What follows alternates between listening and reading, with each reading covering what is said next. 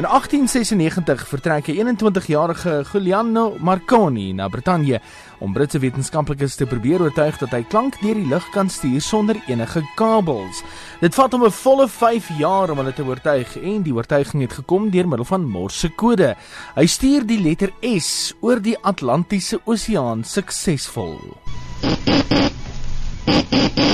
Later in 1902 kry hy dit reg om die eerste audiogram van oos na wes oor die Atlantiese Oseaan uit te saai deur middel van kortgolf. Needless to say, I am rather satisfied with the thought that if, in spite of the great distance utterly separating us, you hear my voice as clearly and as distinctly as I think you should, I am personally responsible to a certain extent for this rather remarkable feat. En van hier af het radio baie vinnig gegroei. Miljoene mense het veral op radio staat gemaak vir daardie sportuitsendings. Hier's op Gladwin en krap het ons by mekaar, daar staan Gladwin gereed. Lang kerel. En dat die man kom opgedraf na hom toe. En hy Paul, en dan kom hy lig op hoog. Hoog en sak het gaan ontvang. Ja, hy het hom. Jou lekker ding. Ja, daar is hy verby. Suid-Afrika is weer wêreldkampioen.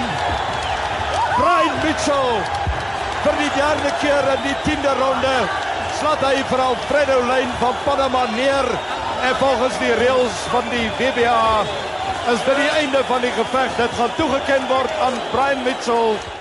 Ek sit nou rofweg op die plekkie waar Joel Stransky, daai bekende skepdoel teen die All Blacks oorgeskop het in die Wêreldbeker eindstryd van 1995. Nou op die TV-skerm nie eintlik vergelyk nie, maar ek dink met al die druk betrokke en al die mense om jou en veral die gunstlinge in die toernooi, die All Blacks wat op die afstorm, nie die maklikste skop gewees nie. Ook nie so naby soos wat mense dink nie.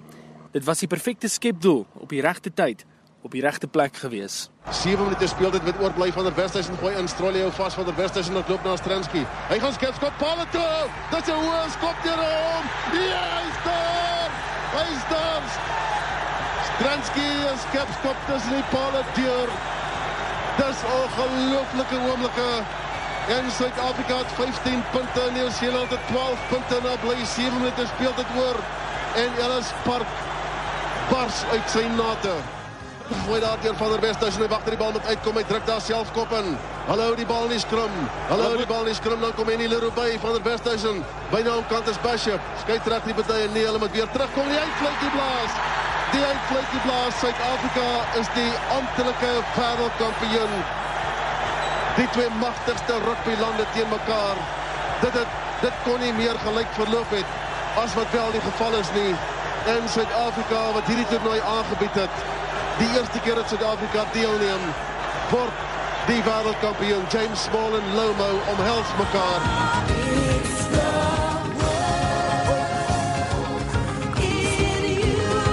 Net soos wat radio die atmosfeer by 'n sportbyeenkoms kon beskryf, kon mense soos Chester Williams dit selfs voel. Ek dink baie wat dit nie vir die hulp van Nelson Mandela net is dalk nie so veel ondersteuning gehad het, maar net die hulp van het dit ons sitting baie ondersteuning gehad en ons kon ons kon voel hoe die ehm um, hoe die hoe die atmosfeer uh, rondom ons is uh, of dit nou vir by die hotel is, by die oefening was en en spesifiek op die dag van die wedstryd van die finaal wat ons sitting baie goed gewees het, het gevoel dat ons het 'n baie goeie kans om om om hierdie toernooi te wen of die beste te wen van die wêreldbeker. En nadat Spanje dit geproklaameer het in 2010 en later eers aanvaar is in 2012, vier ons vandag die 6de UNESCO Wêreldradiodag.